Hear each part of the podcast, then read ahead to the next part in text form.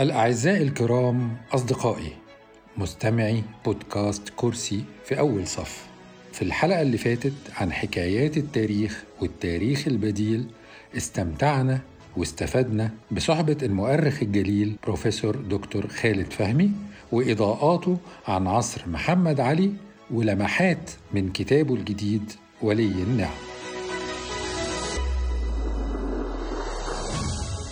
بالنسبة له ده دخله هو ده مجهوده ودي حرفيا عزبته. مش هنقول عزبة أبوه لأن هو ما أبوه سابه في قولة. فدي عزبته مصر دي عزبة محمد علي. المصري صار وبيصور كتير طول الوقت بس هو الشطارة في تسجيل الثورات دي وعدم طمسها من وعينا الجمعي سواء كان من الإعلام أو كلام الجرايد أو كلام المدارس. تحت إيدهم شوية عساكر في قصره في شبرا عمل مجلس حرب وقرر إن هو يروح يقمع الثورة دي بنفسه بست مدافع ميدان. فده شيء خطير يعني يروح يقمع قرى صغيرة بالمدافع. عند تلقي هذه الأوامر نحى الأميرالايات الجدد اللوائح العسكرية جانبا وصفه عشر الوحدات المتمردة حرفيا. فأمر العساكر بالوقوف صفا وأطلقت النار على كل رجل ترتيبه العاشر ومضاعفاته. وفي واقعة جديرة بالذكر أمر أمباشي عريف بالتعامل مع أناس من أهل قريته وشاء له حظه العاثر أن يواجه أباه الذي كان قد انضم إلى الثوار. وإذ فشل في إقناعه بتسليم نفسه أطلق الجندي النار على أبيه فأرداه قتيلاً. كانت الحادثة مشهودة حتى أن محمد علي لفت نظره إليها في القاهرة فأصدر أمرا بترقية الأنباء محمد علي دلوقتي عنده قوة بوليس وعنده جواسيس وعنده مخبرين وعرف يقمع التململ ده. مش هنقول عليه ثورة بس التململ ده وبقى يتقبض على الناس اللي بتنشر إشاعات وتقطع راسها. في التو واللحظة وتتعلق جثتها على باب زويلة وتترمي رؤوسهم في الشوارع. الناس ما كانتش عايشة فرادة كل واحد لوحده. الناس أعضاء في طوائف حرف في طوائف أحياء في طرق صوفية. كل المؤسسات دي اتعرضت لضغوط فظيعة واتحللت بمرور الوقت واتفككت الناس بقوا فرادة قدام الدولة الناشئة البازغة القوية دي المعسكرة.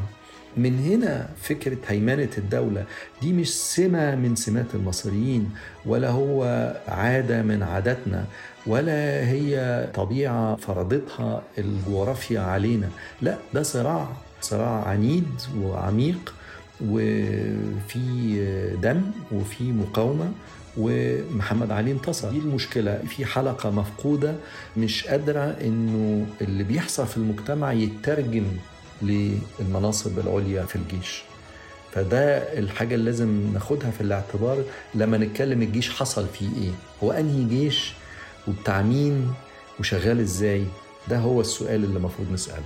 والنهاردة برحب بيكم معايا وبرحب بالدكتور خالد علشان نكمل قصتنا.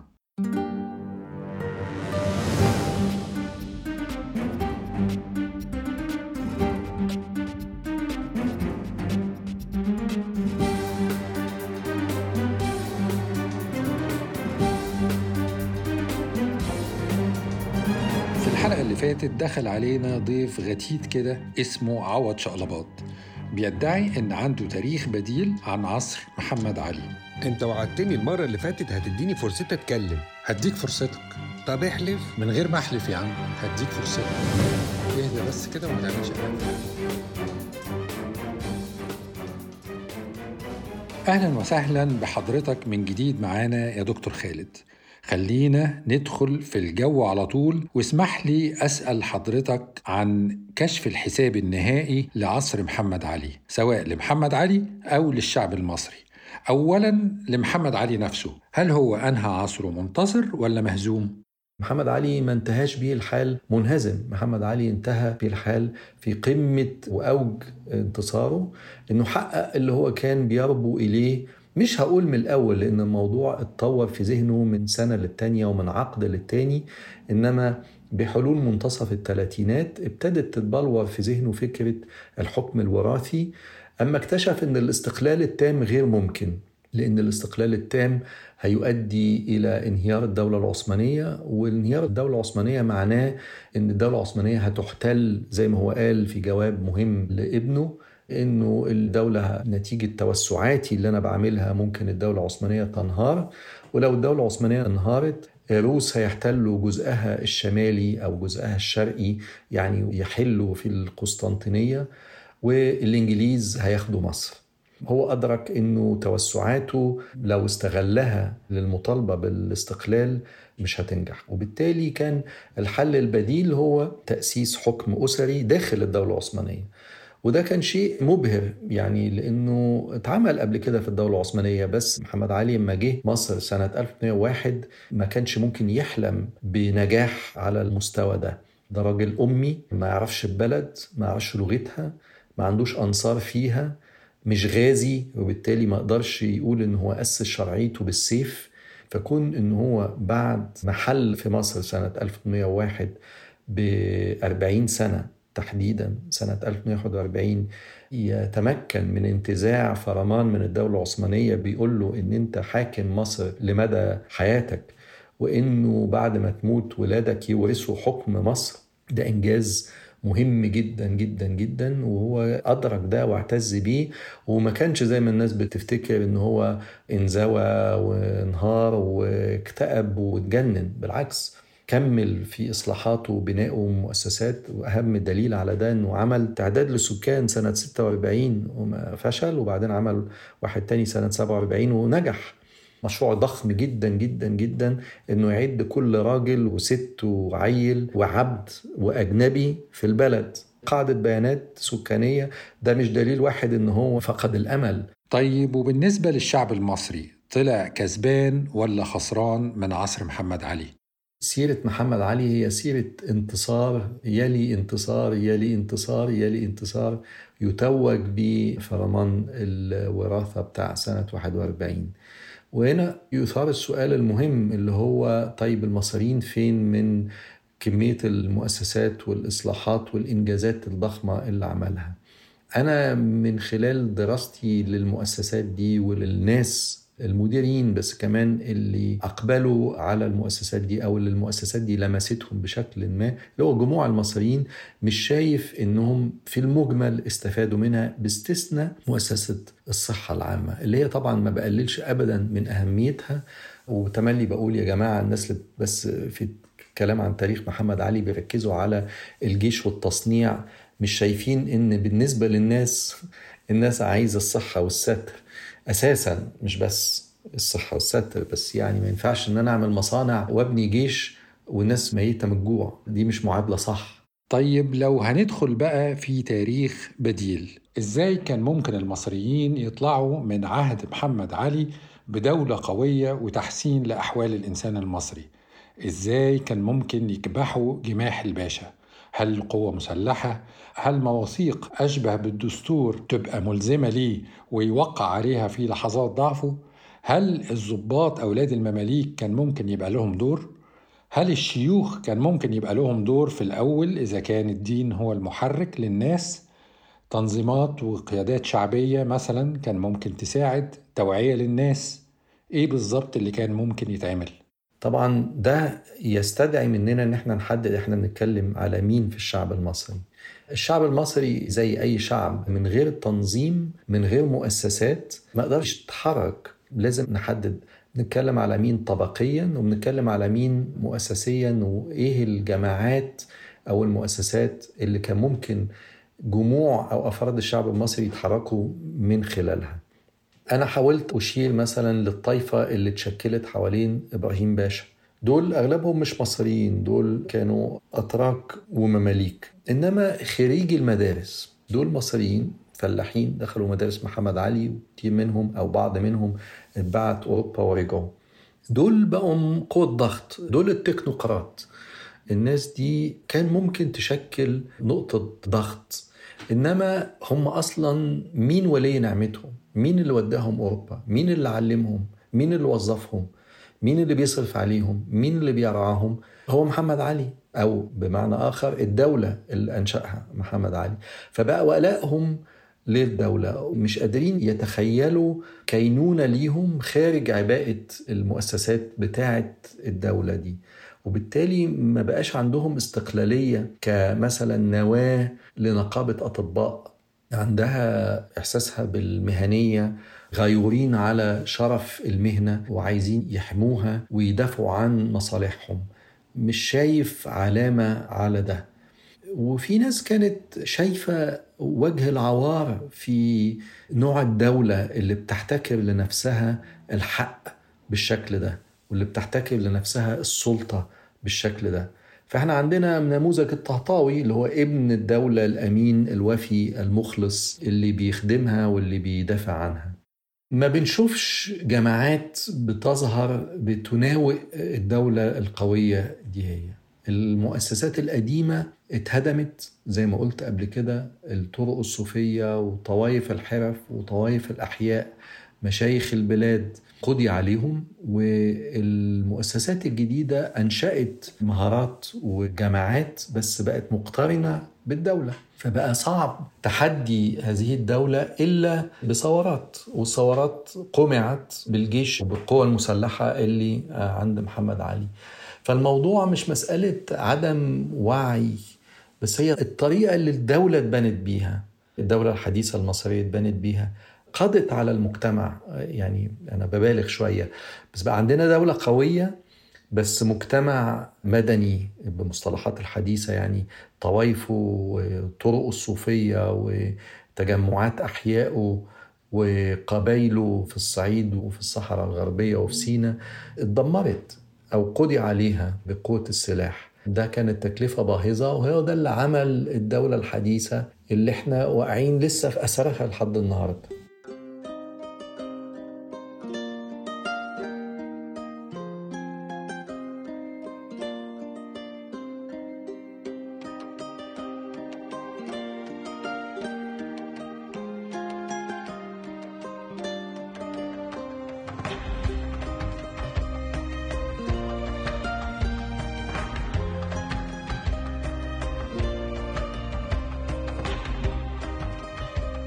بس محمد علي احتاج وقت علشان يتمكن من الدولة بالشكل ده. يعني 10 15 سنة من سنة 1805 لحد ما قدر يدمر المجتمع المدني وكل منافسيه على الحكم. التخلص من الشيوخ وعلى رأسهم عمر مكرم وكان في المفتي برضو ساعتها كان شخصية قوية وطنية مخلصة اللي هو كان اسمه الشيخ محمد المهدي وقدر يوقع الشيوخ في بعض وتخلص منهم واحد ورا التاني. ومذبحة المماليك والناس كان معاها سلاح ولما وصل محمد علي للحكم طالب الناس إنهم يسلموا سلاحهم فاللي وقفوا له ساعتها زعماء الطوائف قبل ما محمد علي دمرهم زي ما حضرتك تفضلت دلوقتي. وبعد كده استعان بالجيش بقى في أوائل العشرينات من القرن ال19 ووصل كمان إنه يأسس الشرطة في نهاية العشرينات برضو من نفس القرن القرن ال19 احتاج وقت. يعني احتاج 10 15 سنة في الأول على ما ابتدى يتخلص من المجتمع المدني وبعدين سيطر على البلد تماما بتأسيس الجيش ثم الشرطة. لو إحنا بقى عملنا شقلبات تاريخ كده ورجعنا لورا قبل ما محمد علي يتمكن من الدولة بالمذابح والإعدامات وهيمنة الجيش والشرطة على البلد. إيه هي لحظة الضعف اللي كان ممكن نلحقها علشان نخلق للناس والمجتمع المدني قوة ضغط تحجم محمد علي لصالح الشعب والبلد؟ سؤال صعب. يعني أعتقد لو كان ثورة الصعيد نجحت أو ما قضيش عليها بالشكل ده وإنه حصل موائمة ما حفظت للصعيد أو للفلاحين أو لمشايخ أو إن الثورة كانت تتبلور تتطور بشكل تنتج قيادات تتحول بعد كده إلى قيادات سياسية تقدر إن هي تكبح من جماح السلطة وتقول له تعالى نتفاوض مع بعض ونعمل حاجة سوا. من وقتها بقى كان ممكن فعلا مسار التاريخ المصري ياخد شكل تاني. إنما بحكم تكوين الجيش بالشكل اللي أنا شرحته طبقة ضباطه كانت إزاي والتجنيد حصل إزاي والجيش اتعمل بيه إيه بعد كده في قمع الفلاحين وأهالي القاهرة بقى عند محمد علي القدرة على وقد الإمكانية دي.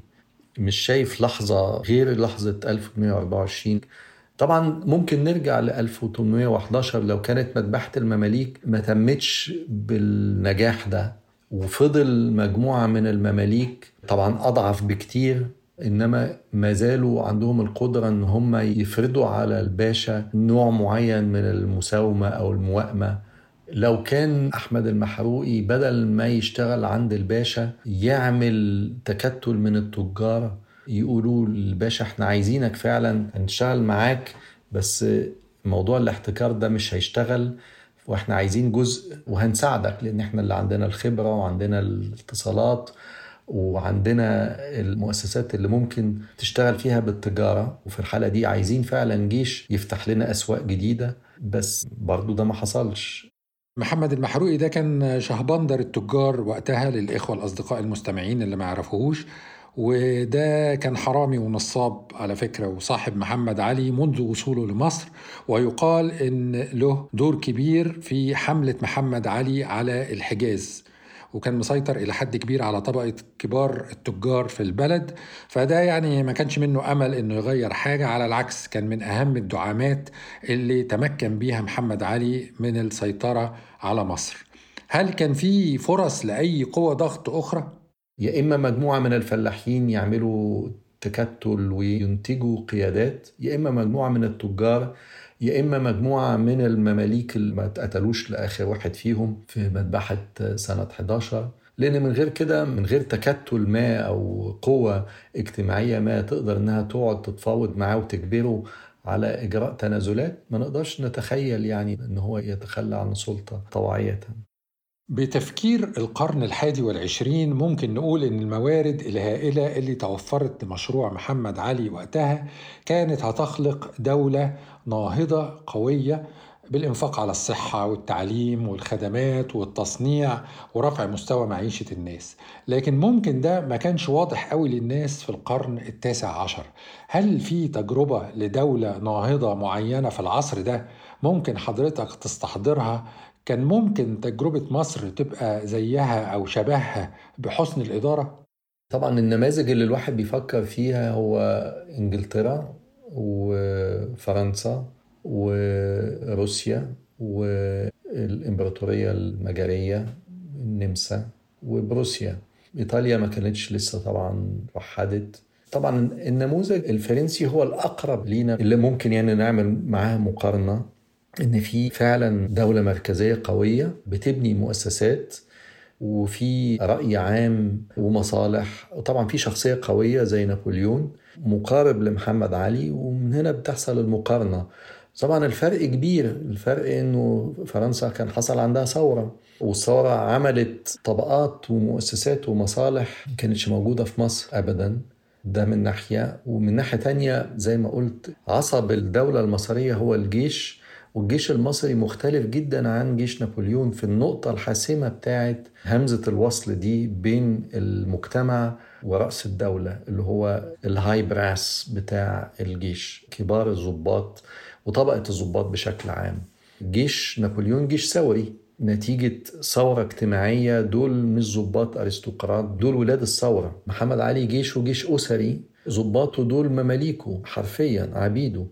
فده مخلي الجيش مختلف والجيش في مصر هو أساس التعليم وأساس الصحة وأساس الصحافة وأساس الأمن الداخلي. يعني هو الجيش هو اللي خلق كل المؤسسات التانية دي واللي طلعت من تحتيه الحاجة اللي بنقول عليها الدولة المصرية.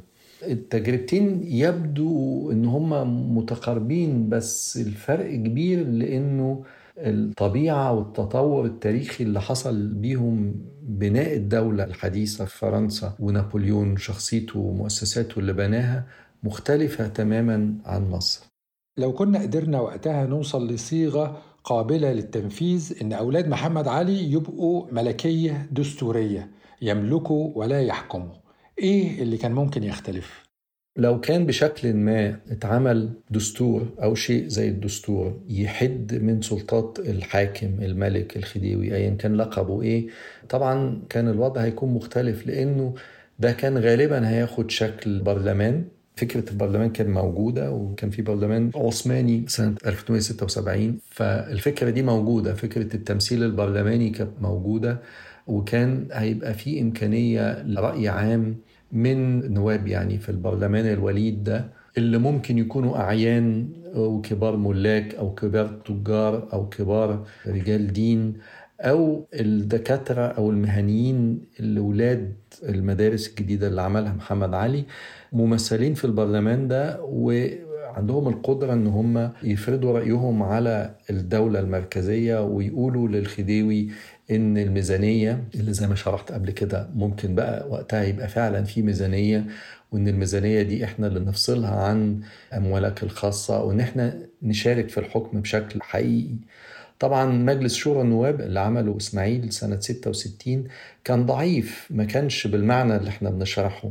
وهو اللي يعني تنازل وعمل ده لأسبابه الخاصة أهمها طبعا مشاكله مع الأوروبيين فبيحاول إن هو يخلق قوة ضغط يستخدمها ككارت قدام القوى الأوروبية. إنما لو كان ده مش بس حاجة بيلعب بيها الخديوي أو الحاكم إنما هي فعلا نتاج كومبرمايز كانت عمل نتيجة تفاوض ونقطة ضعف ما بيستغلها المجتمع لفرض إرادته على الحاكم كان الوضع اختلف تماما. كان بقى فيه حكم دستوري وبقى فيه سياسة بشكل حقيقي وكان فعلا ممكن وقتها إنجلترا ما تستخدمش أو جزء كبير من الدعاوى الأوروبية الإمبريالية للاستعمار. كانت إنه في طغيان شرقي وفي استبداد شرقي وإن إحنا جايين نرفع عن كاهل الفلاحين.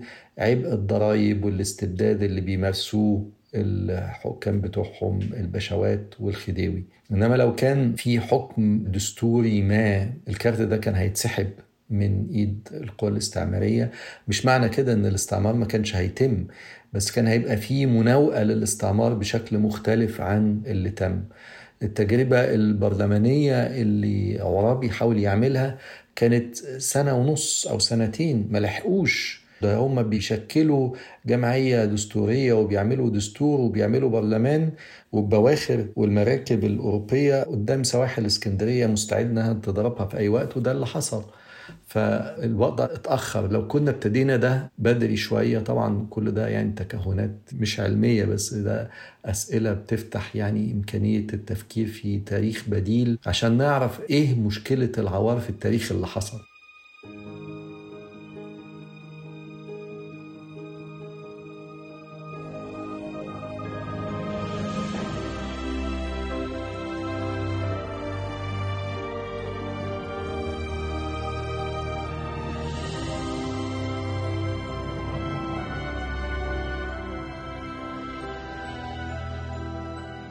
بعد نهاية حكم محمد علي ب 34 سنة بالضبط بريطانيا احتلت مصر وبدأنا سلسلة جديدة من الأحداث اللي ضرت البلد. هل لو كان الجيش المصري احتفظ بقوته في عنفوانها في عشرينات القرن التاسع عشر مع إدارة راشدة واعية للبلاد وخصوصا في مجال الاقتصاد ومجال التقدم الصناعي والعلمي هل كانت بريطانيا هتقدر تحتل مصر سنة 1882؟ لا طبعا لو كان عندنا جيش قوي ما كانش حصل معركة كفر الدوار والتل الكبير إنما الموضوع معقد عن كده لأنه لو ما كانش في قناة سويس كان يمكن إنجلترا تفضل تراهن على القسطنطينيه مش الإسكندرية ده التحول الخطير اللي حصل من وجهة نظر بريطانيا في كيفية حماية مصالحها في الهند هو إنه بعد شق قناة السويس انهارت النظرية اللي كانت بتقول إن الدولة العثمانية والدفاع عن وحدة أراضيها هو الضمانه الأقوى لحماية مصالح بريطانيا في الهند لأن هي الدولة العثمانية بتقف حائل أمام توسع روسيا جنوبا وتهديد مصالح بريطانيا في الهند. وبالتالي دعم السلطان وإصلاحات الداخلية اللي السلطان العثماني اللي هي التنظيمات اللي كان بيعملها السلطان العثماني وبتحظى بدعم إنجلترا عشان دي الطريقة المثلى لحماية الدولة العثمانية من الانهيار ولحماية بالتالي مصالح بريطانيا في الهند. أما اتشقت قناة السويس الرأي العام البريطاني والنخبة الحاكمة البريطانية والوزراء الخارجية البريطانيين شوية بشوية بيبتدوا ينظروا لأنه لا مصالحنا في الهند حمايتها تكمن في مصر في الإسكندرية في القاهرة في قناة السويس مش في إسطنبول. ومن هنا الموضوع بقى خطير بالنسبة لمصر يعني. ولو كان عندنا جيش قوي ولو كان عندنا رأي عام قوي ولو كان عندنا تاريخ بديل أولا ممكن كان قناة سويس ما كانتش تتحفر بالشكل ده. أو بالطريقة دي أو تتحفر أصلا. وكان ممكن لو اتحفرت كان يبقى فيه جيش قوي. ما بيخدمش مصالح القائد الخديوي ايا كان لقبه بس بيخدم البلد. لو كان عندنا نخب ممثلة في برلمان لو كان عندنا قطاعات ناس فاعلين في الاقتصاد طبقات ممثلة بشكل يا إما شخصي أو مؤسسي في برلمان قوي والناس دي في النهاية هتبقى عايزة جيش يحمي مصالحها. فكان هيبقى في استثمار في جيش مش جيش بيحمي أسرة بس جيش بيحمي بلد. والبلد دي مش بس جموع بس البلد دي طبقات ومصالح وتكتلات ومؤسسات. وكان وقتها هيبقى في استثمار حقيقي في تدريب الجيش والعناية بيه. وإنه الجيش ده يبقى معهود ليه حمايه البلد مش حماية النظام. لو تخيلنا عرابي بقى قائد الجيش ده الجيش ده كان هيبقى بقى اولا حجمه أكبر وسلاحه مختلف وتدريبه مختلف وما كانش هيكون منخرط في مغامرات استعمارية ملهاش معنى سواء في المكسيك زي ما عمل سعيد أما سلف جزء من جيشه لنابليون الثالث. أو في المغامرات الاستعمارية اللي كان بيعملها الخديوي إسماعيل في وسط أفريقيا في عالي النيل وفي إثيوبيا وفي الصومال واللي هو استنزفت فيه قواه ومات فيه أعداد ضخمة جدا وقيادات مهمة جدا الجيش فقدها في السودان وفي إثيوبيا وفي الصومال في وقت حكم الخديوي إسماعيل.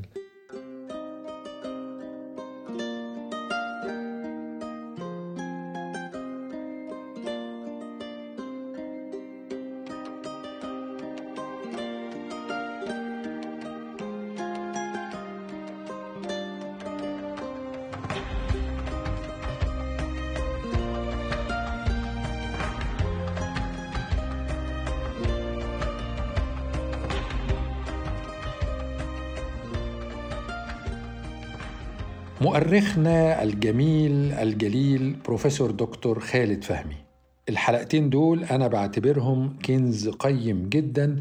ربنا وفقنا إننا نغتنمه من خلال حضورك معانا لإثراء البودكاست بعلمك وفكرك وتحليلاتك العظيمة.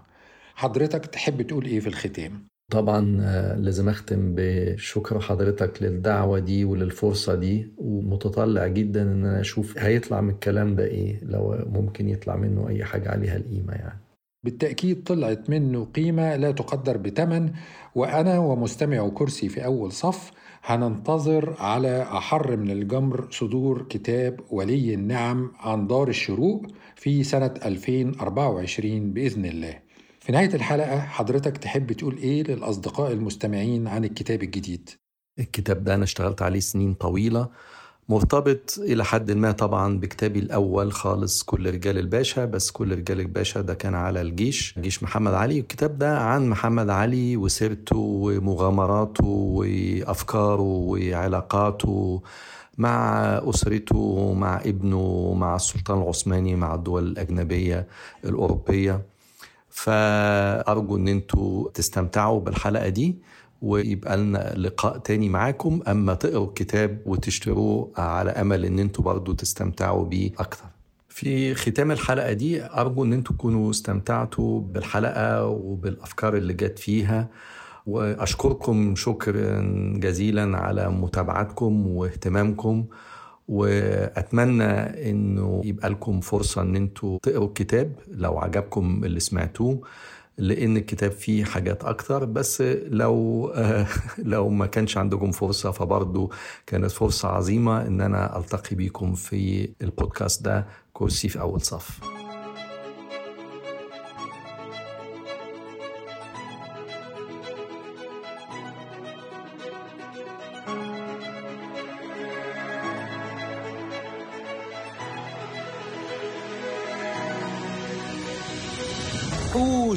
قفشتك مزوغ مني يا معلم. يخرب بيتك خضتني. وعد الحر دين عليه.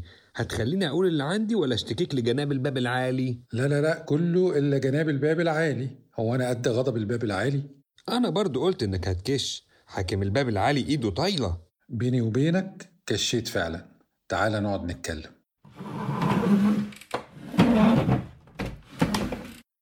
ها احكي. عايز تقول إيه؟ أنا جدي شقلباض الكبير كان من كبارات المماليك ولما محمد علي باشا حب يزود الضرايب على الخلق جدي راح كلم الشيخ عمر مكرم والشيخ سمع منه وعمل اللازم.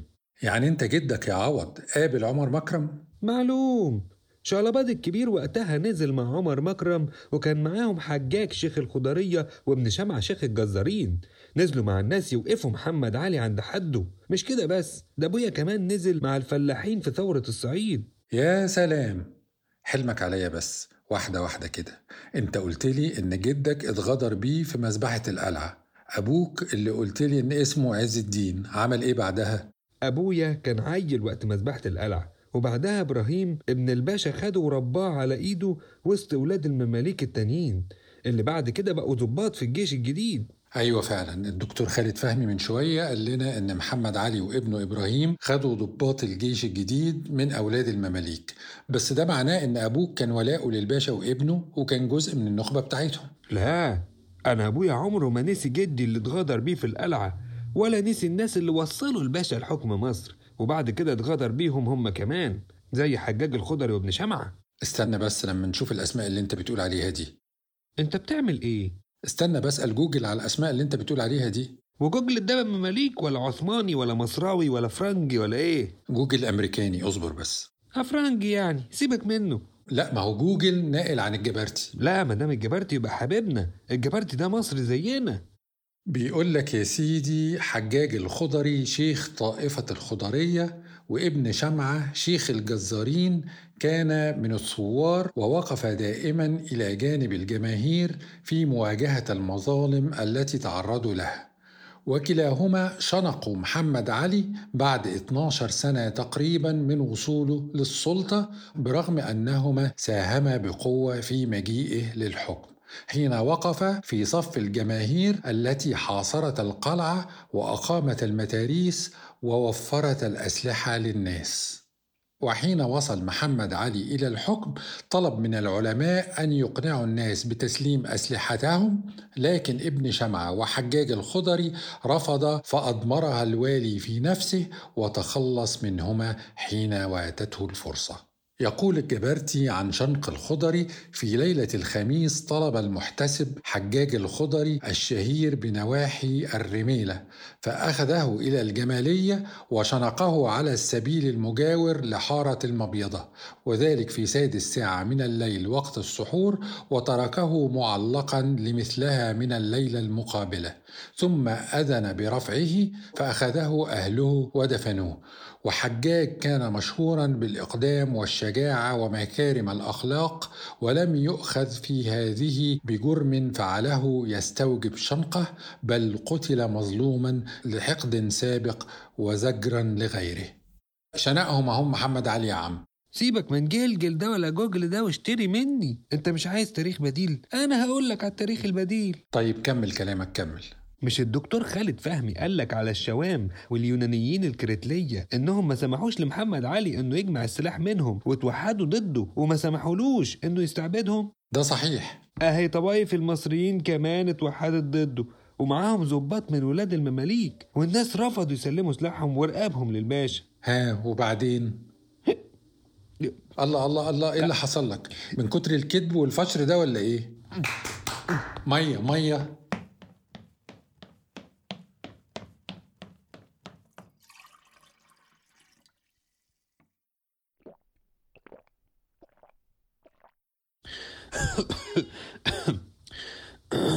اسم الله عليك. شكرا. الله يسلمك. ها هتكمل حكايتك؟ آه طبعا. الشعب اتجمع والزعماء أجبروه يتعهد بست وثائق. وقع يا باشا. Yazmada iyi değilim. الباشا ما بيعرفش يكتب.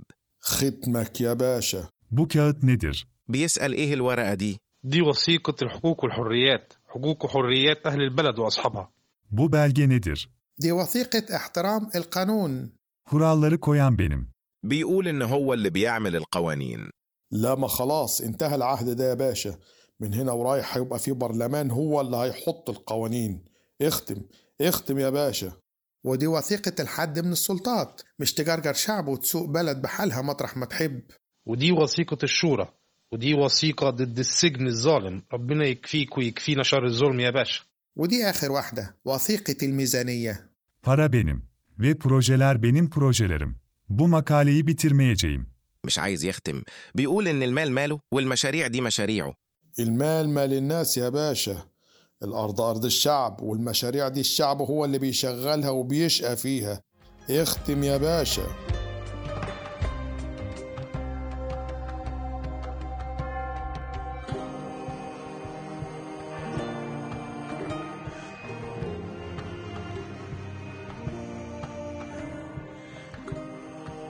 ومن يومها بقت مصر دولة ملكية دستورية ومحمد علي وولاده من بعده بيملكوا لكن ما بيحكموش.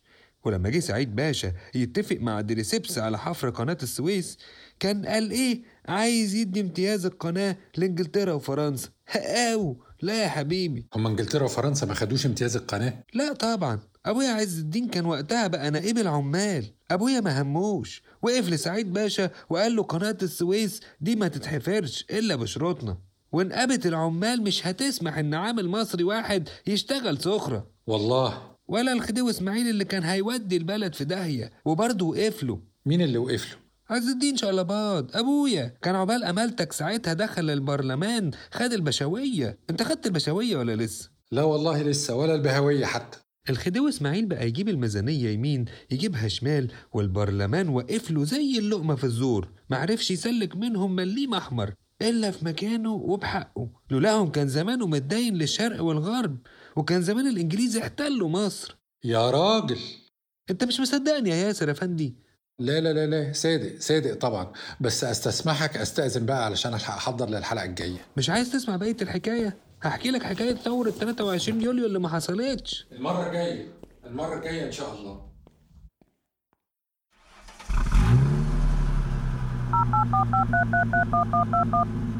إزيك يا مروه نبهي على الأمن الله يخليكي. لما الراجل المجنون ده يجي تاني ما يدخلوهوش مش ناقصين لسعان إحنا. الواحد دماغه لفة من غير حاجة يعني. الشغلباط قال. وحصروا محمد علي وملكية دستورية ووثيقة حقوق وحريات. لو لسه حكاية ثورة يوليو اللي ما حصلتش. يا خرابي.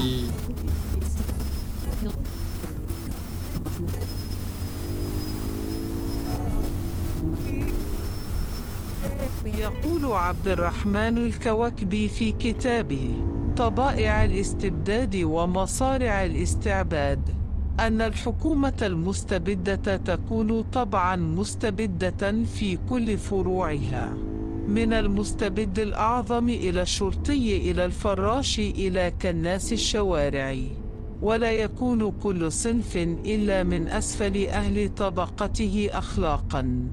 لأن الأسافل غاية مسعاهم أن يبرهنوا لمخدومهم بأنهم على شاكلته. ويقول أيضا أن وزير المستبد هو وزير المستبد وليس وزير الأمة كما في الحكومات الدستورية. كذلك القائد يحمل سيف المستبد ليغمده في الرقاب بأمر المستبد لا بأمر الأمة.